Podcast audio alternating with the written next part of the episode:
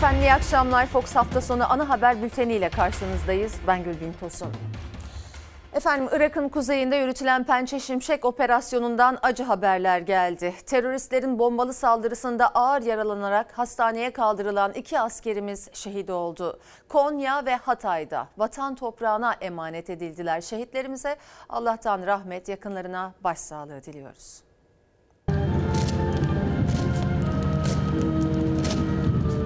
Acı haber Pençe Şimşek operasyonundan geldi. PKK'lı teröristlerin döşediği el yapımı patlayıcıların infilak etmesi sonucu yaralanarak hastaneye kaldırılan iki asker şehit oldu. 24 yaşındaki piyade uzman çavuş Halil Yıldız ve 23 yaşındaki piyade sözleşmeli er Fırat Güner, Şırnak'ta düzenlenen askeri törenle memleketlerine uğurlandı. Seve seve teslim eden bu iki vatan evladımıza rahmet, bereket nasip eyle. Piyade uzman çavuş Halil Yıldız ve piyade sözleşmeli er Fırat Güner, Türk Silahlı Kuvvetleri'nin Irak'ın kuzeyinde yürüttüğü Pençe Şimşek operasyonunda görev alıyordu. Teröristlerin döşediği el yapımı patlayıcının infilak etmesi sonucu ağır yaralandılar. Tüm çabalara rağmen kurtarılamadılar. 24 yaşındaki piyade uzman çavuş Halil Yıldız Konyalıydı. 2 aylık evliydi. Ereğli'de son yolculuğuna uğurlandı. Piyade sözleşmeli Fırat Güner de 23 yaşındaydı. Baba ocağı Hatay Altınözü'nde vatan toprağına emanet edildi.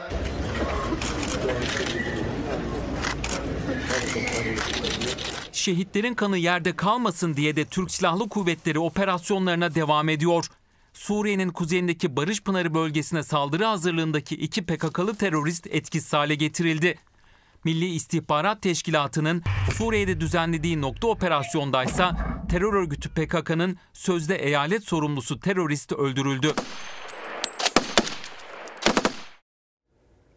Efendim bu akşam başlığımız kime inanalım? Biliyorsunuz siyasette AK Parti'nin HDP ziyareti tartışılıyor. Ve izleyeceksiniz bugün İçişleri Bakanı'nın HDP ile ilgili sert ifadelerini. Bir yandan da ziyareti olumlayan 3 isme AK Partili vekil Mehmet Ali Cevheri de eklendi. Kime inanalım bilmiyorum. Hatırlarsınız Bakan Nurettin Nebati Türkiye'de kimse enflasyona ezildik diyemez demişti. Ama bugün Numan Kurtulmuş'un bakanın sözleriyle çelişkili ifadelerini de duyunca kime inanalım diye siz de soracaksınız. Görüşlerinizi paylaşabilirsiniz diyelim ve devam edelim bültene.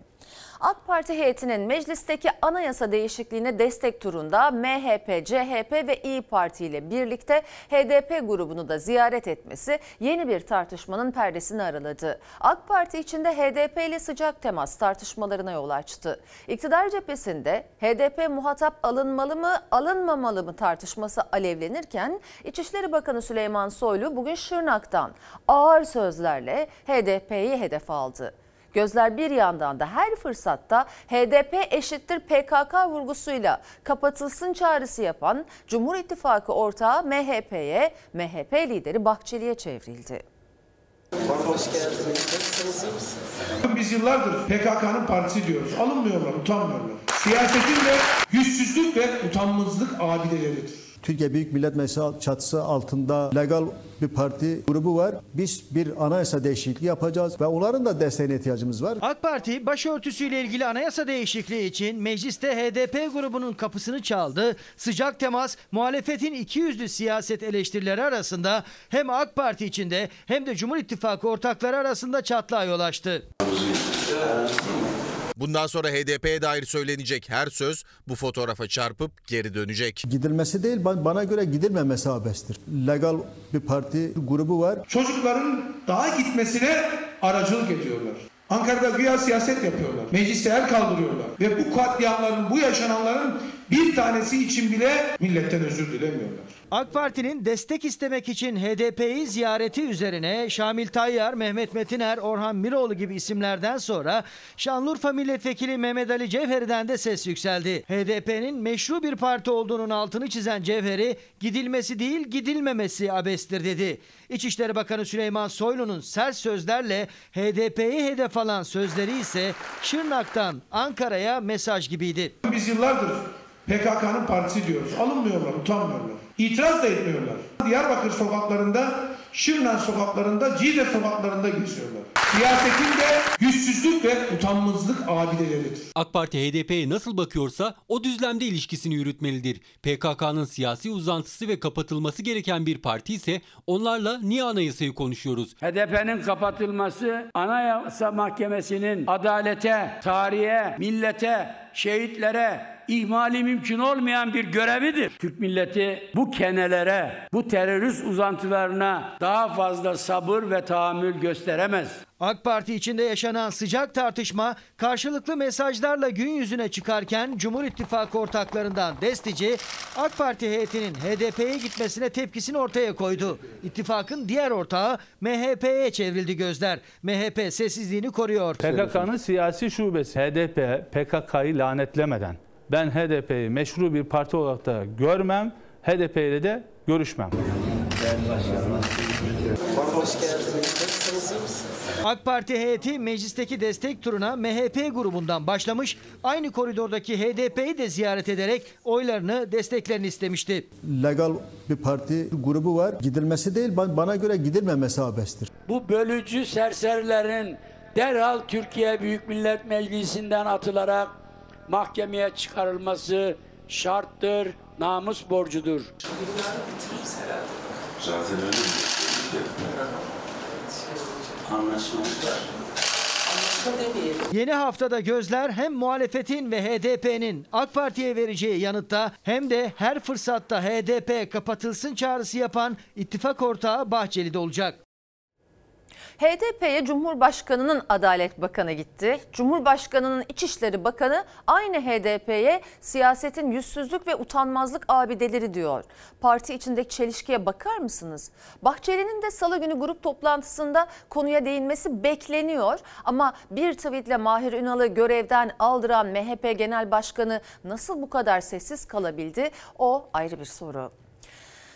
Efendim iktidar ve muhalefet arasındaki başörtüsü polemiğinde Cumhurbaşkanı Erdoğan'ın referanduma gidelim çağrısına muhalefet kapıları kapattı. Temel hak ve özgürlükler konusunda referandum yapılmaz diyen de var.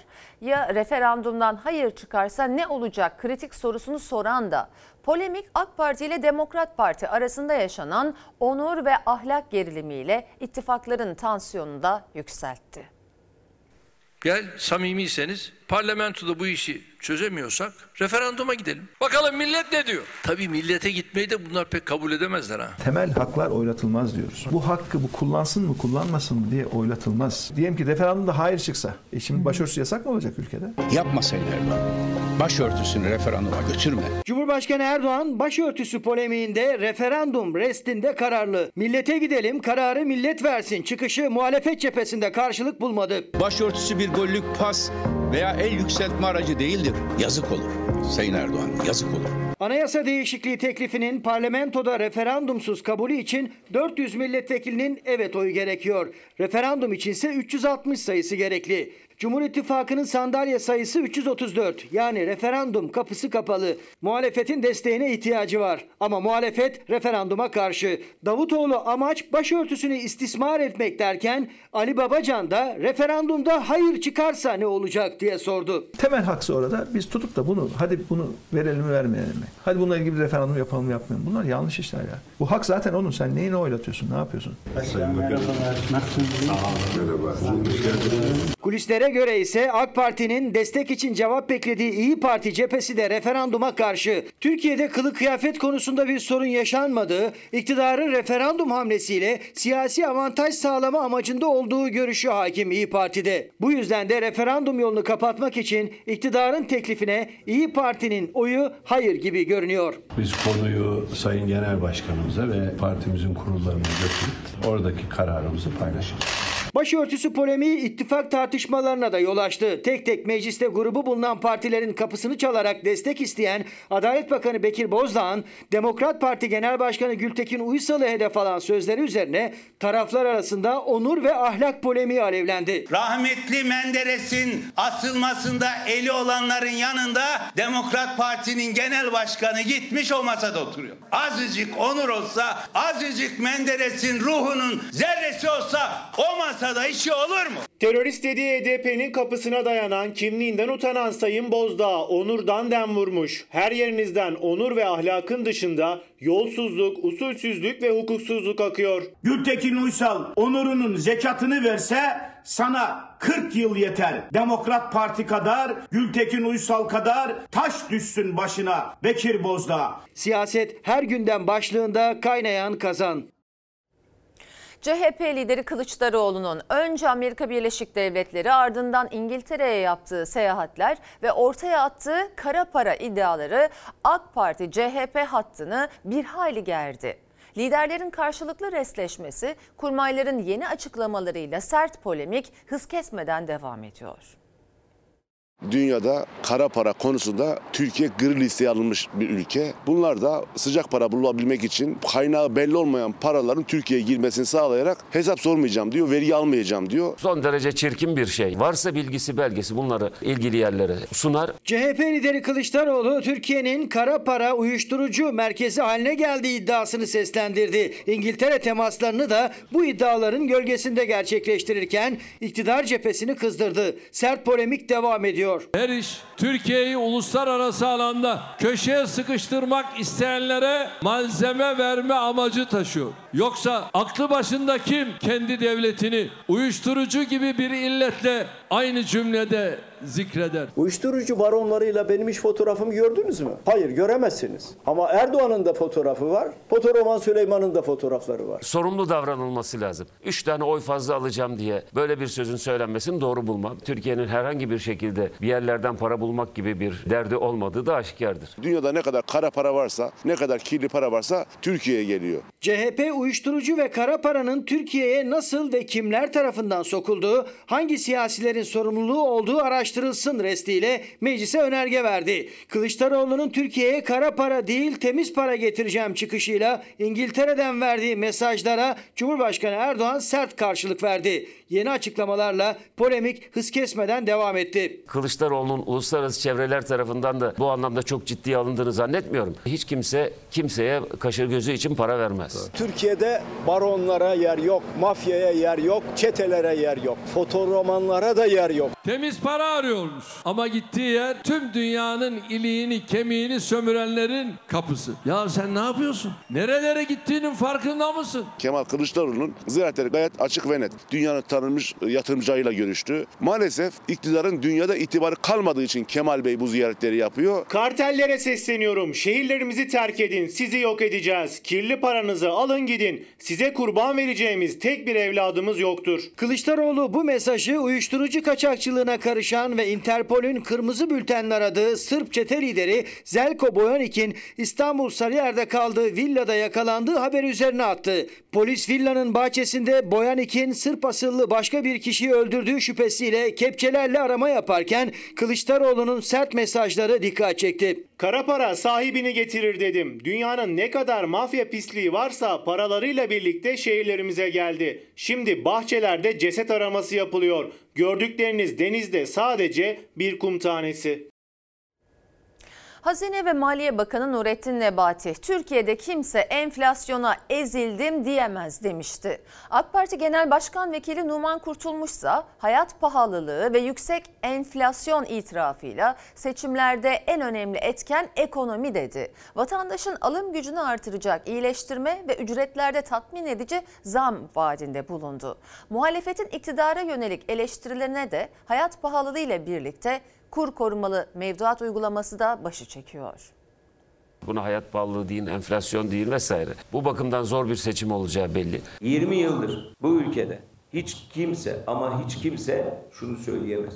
Beni enflasyonun altında ezdirdiler. Halkla dalga geçiyorlar bunlar. Sokaktan habersiz, pazardan habersiz, sanayiciden habersiz, çiftçiden habersiz. Mazot yüksek olduğu için kullanamıyoruz. Her gün mazota gelen zaman raftaki ürüne de pazardaki ürüne de doğal etkisi var. Hem Pazarcı esnafı hem çiftçi mağdur hem vatandaş mağdur. Hem de hayvancı. Vatandaşımızın alım gücünü artıracak bir e, asgari ücret belirlemesi olacak. İşçi ve memur emeklilerinde aynı şekilde e, maaşlarında iyileşmeler ortaya çıkacak. Şu seçim kampanyasında bir numaralı madde ekonomidir. CHP'li Ömer Fethi Gürer traktörüne mazot koyamayan çiftçinin yanından iktidara seslenirken AK Parti Genel Başkan Vekili Numan Kurtulmuşsa katıldığı televizyon programında seçime kadar %85'i geçen enflasyonu düşüreceğiz dedi. Vatandaşın alım gücünü artıracak, çalışanların ücretlerini enflasyona ezdirmeyecek iyileştirmeler yapılacağı vaadinde de bulundu. Evet bir hayat pahalılığı var ama e, Erdoğan hükümeti e, samimi bir şekilde elindeki bütün imkanları kullanarak vatandaşın bizim alım gücümüzü yukarıya doğru çıkarmak için gayret sarf ediyor. Faiz düşürerek enflasyon düşürme yalanına, masalına, dünyada olmayan bir ekonomi teorisine inanarak Türkiye hem enflasyon cenneti yaptılar hem de bir faiz cenneti yaptılar. Bak, öğren. Ben ekonomistim. Faiz oranları oldukça düştü ve bu yıl yüksek bir enflasyon yaşadık. Hazine ve Maliye Bakanı'nın da dediği gibi Erdoğan'ın yüksek faiz yüksek enflasyon teziyle faizi indirttiği günden beri enflasyon yükselişte, dolar kuruda. Bu yüzden kur korumalı mevduat sistemi devreye girdi ama o da kuru düşürmeye yetmedi. Nebati ise kurun 3 haftadır 18 lira 60 kuruş seviyesinde olmasıyla övünmüştü. Kur korumalı mevduat hesabı. Türkiye'de uzun yıllardır bir türlü çözülemeyen dolarize olmuş toplumun dolarize olmaktan çıkması, kur oynaklığının kendi haline gelmesi. Türkiye kaybetti bir kur korumalı mevduat sistemine şu ana kadar ödenen para hazineden 85 milyar 20 kişi bir kişinin maalesef faizini karşılamak için gece gündüz çalışıyor. Bu sistemin sürdürülemeyeceğini o zaman da söyledik. İktidarın enflasyonu yükselten dolar kurunu kontrol için en önemli silahımız dediği kur korumalı mevduat sistemine ise eskisi kadar ilgi yok. BDDK verilerine göre bankadaki dolarını TL'ye çevirenlerin karları azaldıkça sistemde yavaşladı. 21 Ekim haftasında 11 milyar lira, 28 Ekim haftasındaysa sadece 9 milyar lira arttı. Mayaya gelen zam fırıncıların sabrını taşırdı. Çünkü zaten zamlı faturaların altından kalkamıyorlardı. Maliyetleri daha da yükseldi. 5 liralık ekmek kurtarmıyor diyorlar. Aralık ayının başı gelmeden ekmeğin fiyatını 7,5 liraya çıkarmaya hazırlanıyorlar. ay başını bulmaz. Ee, ekmek İstanbul'da yedi buçuk liranın altında olmaz. Eğer bizi bu elektrik, doğalgazı bize vermezseler ekmeği İstanbul'da yedi buçuk lira yapacak. İstanbul'da ekmeğin fiyatı 7,5 liraya çıkabilir. Aslında zam yetkisi Fırıncılar Odası ya da İstanbul Ticaret Odası'nda ama fırıncılar cezayı da göze alarak %50 zammı hazırlanıyor. Çünkü ayakta durmakta zorlanıyorlar. Elektrik, doğalgaz zamlarından sonra 3'e katlanan faturalarla başa çıkamazken bir de üzerine mayaya gelen %40'lık zam tuz biber ekti. Fırıncılar en azından elektrik ve doğalgazda sanayi tarifesi yerine konut tarifesi istiyor. Ruhsatlı fırınlara elektrik ve doğalgazı ev tipi fiyatına verirseler bizim maliyetimiz düşer. Fırıncıda bir nefes alır zam yapmak. İstanbul'daki fırınların yüzde sekseni batak şu an. Günlük un alıyorlar günlük. Ben de hiçbir şey anlamadım. Baya 240'tan 350'ye çıktı. Her şey zam geldi. Şu anda yapacak bir şey yoksa devleti bekliyoruz. Bakalım devlet ne çözüm getirecek. Benim maliyeti şu anda en az da 8 bin lira olması kurtarmaz. Ama bu vatandaş nasıl 8 bin lira verip ekmek alacak o da vicdan azabı çekiyoruz biz. Ekmeğin fiyatının İstanbul'da en düşük ihtimalle 7,5 liraya çıkmasını istiyor fırıncılar. Mayaya zam gelmesin diye maya ham maddesinin KDV oranı bile düşürülmüştü ama yetmedi %40 zamlandı. Fırıncıyı en çok zorlayansa faturalar. Korkunç arttı. Her bir fırının faturası 40-50 bin lira gelmeye başladı. 3 lira geldi şu anda 12 lira 10 lira geliyor. Her şey 3'e katlanmış. Sizin karınız arttı. Kar Yok biz kendimizi ayakta durabilsek yeter. 15 yıldır aynı mahallede fırıncılık yapan ekmek ustası tedirgin. Ya zam yapmak zorunda kalacak ya ayakta duramayacak. Mahalleli de fırıncının yaşamasını istiyor ama bütçeler 7,5 lirayı nasıl kaldıracak diye düşünüyor. Günde 5 ekmek yiyoruz. Sabah 5 ekmek, öğlen 5 ekmek, akşam 5 ekmek zaten. Bir tık düşüreceğiz zaten mecbur olan bir şey yani. Asgari ücret belli zaten 5500. Ev kirası zaten 5 milyar. Evde 3 kişi 4 kişi çalışıyoruz. Anca bir kendimize yetiyoruz yani. Vallahi ekmek parası diyorlar ya sadece aç karnını karnını doyuruyorsun. Belediye ekmeği alıyoruz. O ekmeği almaya gücümüz yok yani. Fırınlarda 5 lira olan ekmek halk ekmekte 3 lira. 3 kişinin yaşadığı evine 3 liralık halk ekmekten günde 4 ekmek alıyor emekli. Ona da zam gelirse diye korkuyor. Ona da gelirse artık iki tane alacağımıza bir tane alacağız yani. Yeter mi? İki tane alıyorum ben torunumun yanında kalıyorum ben. Yetmiyor yani. Emekliyim 12 yaşımdan belli İstanbul'dayım.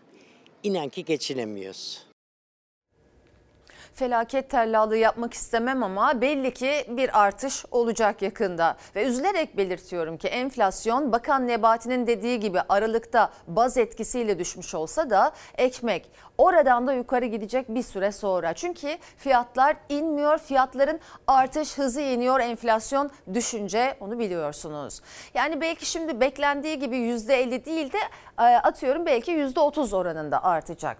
Daha önemlisi şimdiki duruma bakmak lazım. Geçen yıl Aralık ayında 4253 liraya yani asgari ücret tanesi 2,5 liradan 1700 adet ekmek alınabiliyordu. Şimdi ekmek 7,5 lira olursa şu andaki asgari ücretle hani tarihi zam yaptık diye övünülen o ücretle 733 ekmek alınabilecek.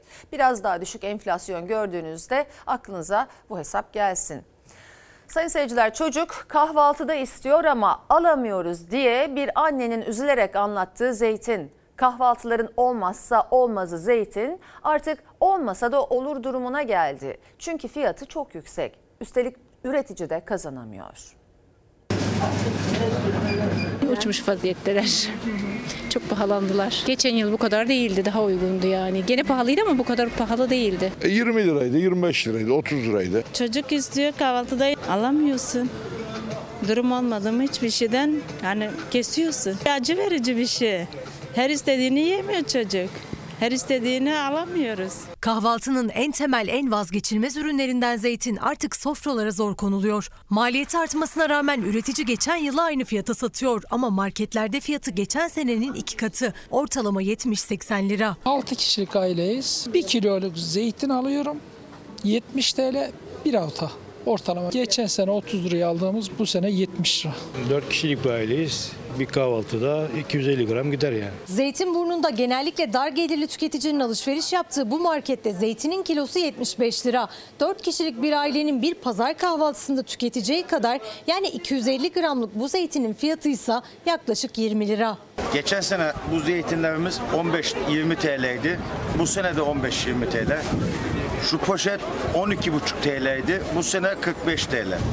Geçen sene biz Antalya'dan Burdur'a gelirken 10-15 TL'ye mazot alıyorduk. Şimdi 28 TL. Zeytin üreticisi de zorda. Geçen yıldan bu yıla maliyetleri 2-3 katına çıktı. Zeytin de taban fiyat açıklansın diyerek Tarım Bakanı'na seslendi. Bir taban fiyatı olsun bunun. İsteyen pazarda satsın, isteyen devletimize versin. Zeytin şu anda 20 TL, 15 10 TL olma mı diyor. Adam bizden alıyor 10 15 TL'ye, 80 TL'ye satıyor bunu. Başta mazot, artan maliyetler zeytin etiketine yani tüketiciye yansıyor. Zeytinin, zeytinyağının fiyatı katlanıyor. Zeytinyağı da tabii ki pahalı. Yani e, alıyoruz ama yani zorlanarak alıyoruz. Geçen yıl 65-70 liraydı. Daha da düşüktü bile yani. Ama şu an 170 lira, 175 lira. 375 liraya tenekesini alıyordum ben. Bu sene 1200 TL. 18 litreden bahsediyorum. Markette zeytinyağı fiyatları da çok yüksek. 5 litrelik bir zeytinyağı 320 liradan başlıyor, 480 liraya kadar çıkıyor. Önceden 5 kilo alıyorduk. Şimdi 1 kilo alıyoruz. 50 liradan alırken şimdi 250-300 liralara böyle bir fiyat artışı var. Ama maaşlar o kadar olmadı. Böyle bir durum var. Önceki senelerde 5 litre alınan zeytinyağı artık 1 litre alınıyor. Artan fiyatlar alım gücünü iyiden iyiye düşürüyor. Yüksek fiyatından dolayı zeytinyağı artık çoğu tüketicinin mutfağına bile giremiyor. Kullanamıyorum ki fiyatını bileyim. Kullanamıyoruz. Dört çocuk büyütüyorum, kullanamıyorum. Fiyatını bile bilmiyoruz. Tüketici uzun zamandır dilediği gibi kırmızı et alamamaktan şikayetçi, besici de üretememekten. Et fiyatları düşsün diye Et ve Süt Kurumu'nu her fırsatta devreye sokuyor iktidar ama uzmanlar da uyarıyor. Asıl destek besiciye yapılmalı, et üretimi artırılmalı yoksa zarar artacak diye. Dedikleri gibi de oldu. Besicinin elinde hayvan kalmazken dar gelirinin önünde 1 kilo et için sıcakta soğukta kuyrukta beklediği et ve süt kurumu da sadece bir yılda 521 milyon lira zarar açıkladı. Et fiyatlarını soruyoruz ama. Ama yiyemeyiz ki sorsanız kuzum açtık. Yiyemeyiz ki eti nerede görek? Et ve süt kurumunda biraz daha ucuz. Kilosu 83 lira. Sizin için uygun bir fiyat mı? Ne uygun ben kendim sütçülük yapıyorum. Hep zararına mallarımı bütün kesime verdim ineklerimi. Nerede ucuz olsun? Malım biz anında buzağıyla kesiliyor. Sıdıka Akçeşme karnında buzağısıyla kesime gönderdi ineklerini. Et ve süt kurumuna sattı ama et ve süt kurumundan kıyma alamıyorum dedi. Besici zararda vatandaşın biraz daha ucuz alabilmek için eti kapısında saatlerce kuyruk beklediği et ve süt kurumu da 2021 yılında 521 milyon lira zarar açıkladı. Eti unuttuk. Şimdi geçerken eşime diyorum bak et süt kurumu bura. Beni getirdi ki Eryaman'dan geliyoruz. Buraya gel de dedi sıraya gir dedi. Hani kendisi çalışıyor hala emekli olduk. 67 yaşındaki Rüya Demirtaş pazartesi günü sabah erkenden otobüsle bir saat yol gelip et ve süt kurumunda kuyruğa girecek. Çünkü memur emeklisi 70 yaşındaki eşi kahvede çaycılık yapıyor ama maaşı kasaptan et almaya yetmiyor. Zararına satış yapan et ve süt kurumunda dana kıymanın kilosu 83 lira, kasaplarda 150-160 lira. Et ve süt kurumu biraz daha ucuz diyorsunuz ama et ve süt kurumunun nerelerde şubeleri var? Et ve süt kurumu marketlerden ve kasaplardan ucuz evet ama tüm Türkiye genelinde sadece 18 tane satış mağazası var. Artık tarım kredi kooperatiflerinin mağazalarında da ürünleri satılıyor ama yine her mağazasında değil. Yani dar gelirli için ucuz ete ulaşmak da zor. Ben şimdi Alanya'da yaşıyorum. Bizim orada yok. En kalabalık şehir İstanbul'da bir tane. Bu yüzden de uzun kuyruklar oluyor önünde. Et ve Süt Kurumu'nun eski müdürü Osman Uzun o yüzden zam yaptıklarını açıklamıştı ürünlerine. Gafı koltuğundan etti. Bizim fiyatlar çok düşüktü. Piyasanın %66 daha altında bir fiyatımız vardı. Bu nedenle çok uzun kuyruklar oluşuyordu. Biz fiyatı artırdık. Mart ayında %48 zam geldi et ve süt kurumunun ürünlerine. Kuyruk azalmadı çünkü dar gelirle hala kasap ve marketten et almakta zorlanıyor. Et ve süt kurumunda dana kıymanın kilosu Mart ayından bu yana 83 lira. O günlerde kasaplarda dana kıymanın ortalama kilosu 90-100 lira arasındaydı. Bugünse 150-160 liraya kadar çıkıyor. Yani et ve süt kurumunda etin ucuza satılması piyasaya da pek fazla etki etmiyor. Ayda yarım kilo kıyma alabilirsem ne mutlu bana.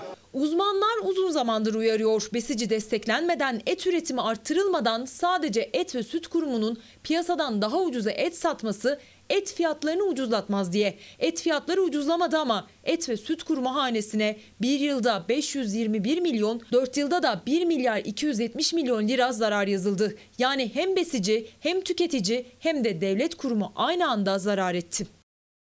Size de kulak verelim.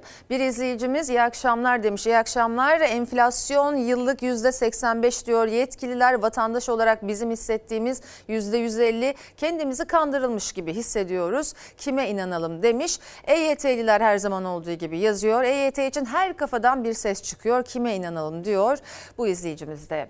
Sayın seyirciler İstanbul Büyükşehir Belediyesi kız yurdunda kalan öğrencilere hijyenik ped yardımı başlattı. Çünkü fiyatı en çok artan ürünler arasında hijyenik pedler. Kadınlar para ayırmakta zorlanıyor. İki tane ıslak mendil, bir tane de kadın pedi vardı. Bizim için çok iyi oldu. Cüzi miktarlarda bile olsa öğrenciler için çok iyi oldu. Hiç yoktan aylık harcanacak 60 lira bizim cebimizde kaldı. Bununla da bir öğrenci iki günlük yemek ihtiyacını karşılayabiliyor. Yüksek fiyatı nedeniyle birçok kadın hijyenik pede ulaşmakta güçlük çekiyor. En ucuzuna adedi en az olana yöneliyor kadınlar. Yine de bütçe el vermiyor. İstanbul Büyükşehir Belediyesi kız öğrenci yurdunda kalanlara hijyen kiti desteğinde bulundu. İçinde hijyenik pet ve ıslak mendil vardı. Islak mendil vardı ve pet vardı. Zaten bu bir istek değil, ihtiyaç. Bunun zaten verilmesi gerekiyordu. Verilmesi de bütçemiz açısından iyi oldu. Önceden marketlerde bu kadar değildi fiyatları.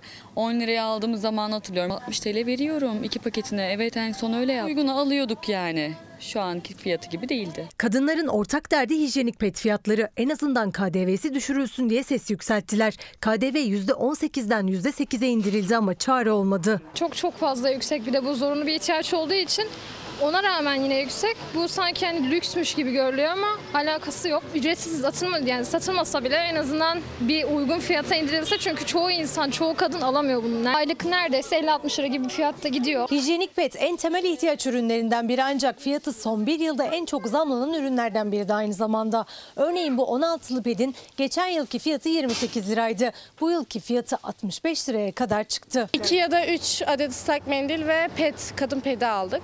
Bu şekilde edeceğim kitimiz. Çok kıymetli bir şey. Şu anki ekonomide çünkü kadın pedlere malum çok fazla. Yani 50-60 liralık fiyatlardan bahsediyoruz ve biz öğrenciyiz. Her ayda almamız tabii zorlaşıyor. İstanbul Büyükşehir Belediyesi yurtlarında kalan öğrenciler az da olsa nefes aldı. Desteğin sürmesini istiyorlar. Bazı ülkelerde devletin ücretsiz verdiği hijyenik pet için aslında tüm kadınlar destek bekliyor. Her gün fiyatlar değişiyor. Biraz daha düşük olması gerekiyor. Yani çocuk bezinden zaten çekiyorum. Bu yardımla ilgili çok çirkin ifadeler de geldi bir AK Partili siyasiden ve gazete iddiasındaki bir şeyden. Ama habere koymadık çünkü bu anlamlı hareketin güzelliğini, cehaletleri kendi dünyalarındaki kötü niyetli ve bastırılmış duygularıyla kirletmelerine izin vermek istemedik. Kadın sağlığı için gerekli ve ülkemizde kadınların %82'si bu ihtiyaca ulaşamıyor. Dünyada İskoçya'da tüm kadınlara, Yeni Zelanda'da öğrencilere, İngiltere'de konu gündemde, Amerika'da, Avustralya, Kanada, İngiltere, İrlanda gibi ülkelerde ise vergi alınmıyor. Bizde %8'e düşürüldü, aktardık. Yetmiyor. Kadınlar adına adaletsiz bir durum. Keşke en azından vergi alınmasa diyeceğim ama bugün Sözcü gazetesinde vardı. 2023 yılı bütçe görüşmelerinde AK Parti ve MHP oylarıyla reddedilen teklifler sıralanmıştı. Birçok var ama onlardan iki tanesi şöyle 7 milyon 600 bin çocuğa okullarda ücretsiz yemek ve su verilmesi teklif edildi. Diğeri yoksul ailelere bebek bezi ve mama almaları için yardımda bulunulması istendi. Bu önergeler bile reddedildi. Sayın seyirciler 1999 depreminden bu yana depreme hazır mıyız sorusu soruluyor. Yanıt yıllar geçse de aynı. Aradan geçen 23 yılda özellikle İstanbul ve son günlerde üst üste depremlerin yaşandığı İzmir depreme hazırlıksız uzmanlara göre. Bunu 20 yıldır kentsel dönüşümün anahtarını elinde tutan AK Partili isimler de doğruluyor.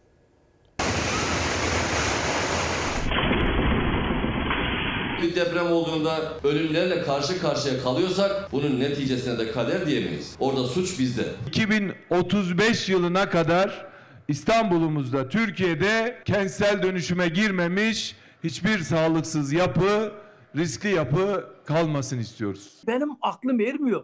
Deprem işini hafife alıyorlar. Sadece müteahhitlik işi diye algılıyorlar. Deprem her an geliyor işte görüyorsunuz. Bir gün Allah'tan da 4-5 oluyor fazla bir şey değil ya. Yarın 7 olursa ne olacak? Nasıl sokağa çıkacak siyasiler ya? Yüz binlerce insanımızı kaybedersek biz nasıl dayanacağız biz bu işe?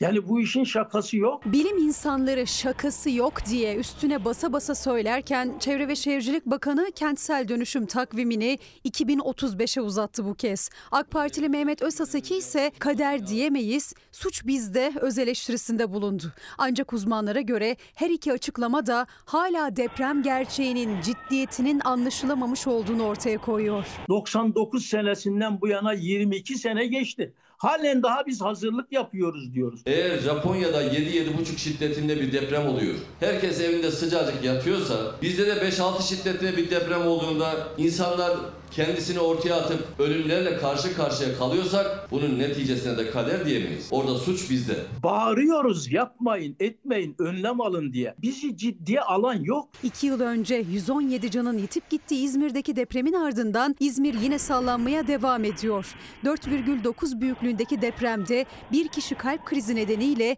bir kişi de panikle balkondan atlayarak yaşamını yitirdi. Ardından Muğla Datça 4,1 büyüklüğünde depremle sarsıldı. Jeoloji profesörü Naci Görür'e göre ise bu büyüklükteki depremlerin olması Türkiye için aslında şans. Çünkü daha büyüğü yıllardır göz ardı edilen o acı tabloyu gözler önüne serecek. Özellikle de İstanbul ve İzmir'de. İzmir çok sayıda aktif faylarla örülü bir yarımada. İzmir 7 ve üzeri deprem üretebilir. Eğer ürettiği takdirde de İzmir'in bugün yerleşimi ve yapı stokunu alırsanız çok acı çekeriz. Sizde beşlik depremler insan öldürüyor. İstanbul depremi olursa, İzmir'de deprem olursa 7 ve üstünde bir deprem. Ya yüz binlerce insan kaybederiz. Yapmayın. Halen daha yapıyoruz, ediyoruz. Sadece inşaat yapıldığını duyuyoruz. Kentsel dönüşüm programlarında konuşan siyasilerin aksine Profesör Doktor Naci Görür'e göre yapılması gerekenler çok net ve çok geç kalınıyor. Üstelik sorunun da çözümün de hala adı bile konulmuyor. İstanbul'da 50 bin binada yaşayan insanlar her an ölümle burun buruna deprem nedeniyle. Önce ben bu 50 bin binayı deprem güvenli hale getireceğim. Gerisini geri kalanda ben size konut yapıp vereceğim. O zaman anlardım. Ama şimdi hükümet bunu demiyor. Sadece 250 bin konut yapıp satacağım deniliyor. İstanbul Göktürk'te yaşayanlar günlerdir yeşil alan mücadelesi veriyor. Eylemlerine muhalefet de destek verdi bugün. Yeşilin ranta kurban gideceği iddiasıyla seslerini duyurmaya çalıştılar. O yeşil alansa bir haftada griye dönmeye başladı bile. Bu yol şöyle bir yeşilliğin devamıydı. Gece gündüz nöbetleri sürüyor Kemerköy sakinlerinin imara açılarak üzerine villa yapılacak yeşil alanlarını, göletlerini korumak için mücadeleleri. İş makineleri ise polis korumasında çalışmalarına devam ediyor. Kemerköylüler seslerini duyurmak için eylemdeydi. Her adımları kayıt altına alındı. Emniyet müdürüne soruyoruz. Talimat yukarıdan. Kaymakama soruyoruz. Talimat yukarıdan. Valiye soruyoruz. Neresi bu yukarısı? Doğayı talan edenler, deprem toplanma alanlarını yok edenler, doğa için mücadele eden insanlara saldıranlar ve Demirören sizleri izliyorum. Durmanızı ve Ziraat Bankası'nın parası ile İstanbul'un yeşil alanlarını yok etme faaliyetlerinizi durdurmanızı öneririm. İstanbul Eyüp Sultan'a bağlı Göktürk'teki Kemerköy sitesinin yeşil alanı Demirören Holding tarafından kredi çekilebilmek için Ziraat Bankası'na teminat olarak gösterilmişti. Kredi borcu ödenmeyince Ziraat Bankası'na devredildi. Yeşil alan ve göletler imara açıldı. Yani değerine değer kattı. İş makineleri polis eşliğinde çalışmalara başladı. Haftanın başında pazartesi günü yürütmeyi durdurma kararı verildi ama kaymakamlık itiraz edince çalışmalara ara verilmedi. Sonra da o itiraz kabul edildi. Duvarlar yıkıldı, yeşilin rengi griye döndü. Çalışmalar dursun diye orada yaşayanların günlerdir verdiği mücadeleye muhalefetten de destek geldi. Verilen kredilerle adamın cebinden bir kuruş çıkmadı ya.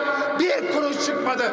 Ve bizim buradaki yeşil alanımızı aldığı kredilere ipotek olarak gösterdi. Kredinin onda biri değil, onda biri. Teminat karşılığı gösterilerek imara açılan yeşil alanların üzerinde bugün iş makineleri çalışmıyor. Çünkü pazar günü pazar olması sebebiyle iş makineleri çalışmıyor ancak Kemerköy sakinlerinin eylemleri 7. gününde de devam ediyor. Bu duvarı yıktılar. Asıl zaman burada olacak. 59 tane ev yapacaklar buraya.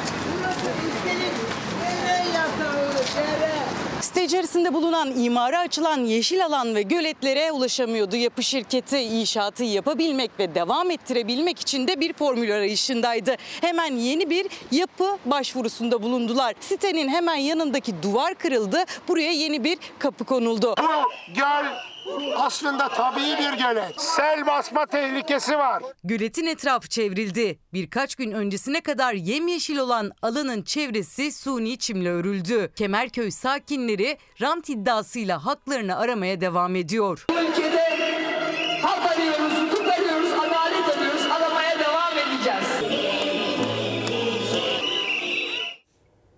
Boğaziçi Üniversitesi'nde verdiği dersleri rektörlük tarafından iptal edilen Endüstri Mühendisliği Bölümü öğretim üyesi Profesör Doktor Yaman Barlas dünyanın en etkili bilim insanları listesine girdi.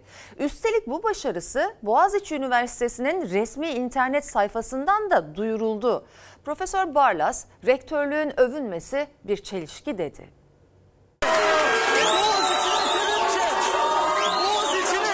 Uluslararası e, camianın verdiği büyük bir ödül aldım. Yani e, yaşam boyu başarı ödülü. Bunları büyütmemek lazım. Yaman'ı boş verin. X akademisyeni, adı Yaman olabilir. Birka, son yıllarda bu Stanford'ın listesine girmiş. Ve Stanford'ın listesini de Boğaziçi yayınlayıp övünüyor. Emeklilik vakti geldiği halde çalışmaya devam ediyordu ama rektörlük tarafından dersleri iptal edildi. Boğaziçi Üniversitesi Endüstri Mühendisliği Bölümü öğretim üyesi Yaman Barlas, dünyanın en etkili bilim insanları listesine adını yazdırdı. O artık ders veremiyor ama üniversitenin resmi internet sitesinde bu büyük gurur ilan edildi. Profesör Barlas rektöre tepki gösterdi. Bu kez Stanford listesinden yararlanmak istediği için utanıp adımı çizememiş. Biliyorum ki aslında şeyi tercih ederdi. Yani o listede olmamamı. Çünkü dediğiniz gibi çelişki doğuyor. Akademik olarak meşru olmayan bir rektörlük sistemine karşı çıkmamızın nedeni Türkiye'nin gerçek, özerk, özgür bir üniversiteye su gibi ihtiyacı var. 2021 yılında Cumhurbaşkanı kararıyla Boğaziçi Üniversitesi'nde rektör atamalarıyla başlayan değişim birçok meslektaşı gibi onu da etkiledi. Tepkisini göstermek için kampüs nöbetlerine de katılan Profesör Doktor Yaman Barlas'ın rektörlük kararıyla dersleri iptal edildi. Bölümün derslerine bölüm karar verir. Olsa olsa bağlı olduğu fakülte karar verir. Rektörlüğün uzanıp da böyle bu dersi bu hoca veremez, Yaman Barlas ders veremez demesi benzeri görülmemiş bir şey. Benim yıllardır verdiğim dersleri vermemi reddettiler. Sayısız ödüllerle dünyaya adını duyuran akademisyen Yaman Barlas bölümüyle ilgili araştırmalara tez danışmanlığı yapmaya devam ederken adını yeni bir başarıyla duyurdu. Uluslararası Akademik Yayıncılık Kuruluşu Elsevier'la Stanford Üniversitesi dünyanın en etkili bilim insanları listesini yayımladı. O listede Barlas da vardı. Kariyer boyu etki ve yıllık etki kategorilerinde yer aldı. Esas daha büyük çelişki bu yasakladığınız hoca 5 kez en iyi hoca ödülü almış. Profesör Barlas en kısa zamanda öğrencileriyle buluşacağı günü bekliyor. Bu manzara karşısında rektör diyor ki ben bu hocaya ders verdirmem bu üniversitede diyor. Kimi cezalandırıyor sizce? Öğrencileri. Öğrencileri. Gülşah Hanım demiş ki millet darda zorda perişan cehalet almış başını gitmiş insan sağlığı için gerekenlere vergi, hayvan mamalarına vergi, bebek bezi maması vergi millet eziliyor. EYT'li isyanda emekli isyanda. İsyanda olmayan var mı? Bu düzen değişecek mi? Biz kime inanalım bilmiyoruz. Efendim kıtalar arası koşulan tek maraton olma özelliği taşıyan İstanbul Maratonu 44. kez düzenlendi. Yine renkli görüntülere sahne oldu. Kıyasıya rekabetin yanı sıra iyilik için koşanlar da vardı.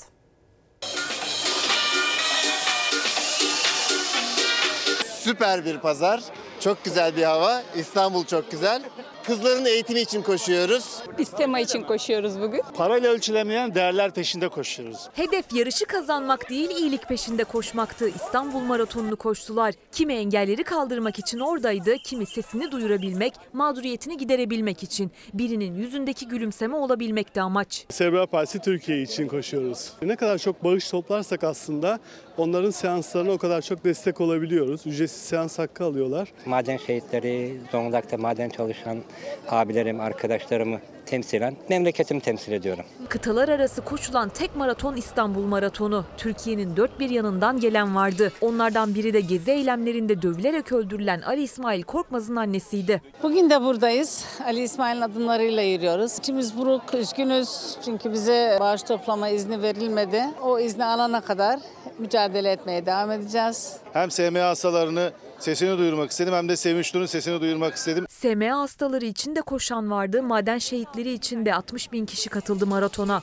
Efendim günaydın. Günaydın. İzmir'den geldim koşmaya. İnebolu'dan geldik. Kapadokya'dan geliyorum maratona katılmak için. Ben de Ankara'dan geldim buraya. Sadece sırf bu atmosferi yaşayabilmek için yani.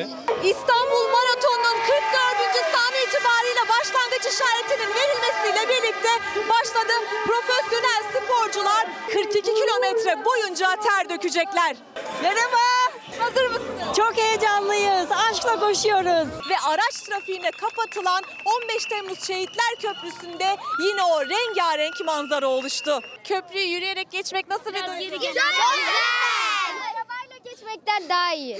Çok keyifli. Teşekkürler. Harika harika. Çok mutluyuz, çok sağlıklıyız. Köprüden ilk defa geçiyoruz yürüyerek. Kendimi özgür hissediyorum. Günün son etabı halk koşusu başladı. On binlerce kişi şu anda Anadolu yakasından Avrupa yakasına doğru 15 Temmuz Şehitler Köprüsü'nde yürüyorlar. Tabii fırsat bu fırsat. Çoğu kişi şu anda Boğaz Köprüsü'nün kenarında hem fotoğraf çekiliyor hem de Boğaz'ın eşsiz manzarasının tadını çıkarıyor. Maratonun ev sahibi İstanbul Büyükşehir Belediye Başkanı Ekrem İmamoğlu ve eşi Dilek İmamoğlu da 8 kilometrelik halk koşusuna katıldı.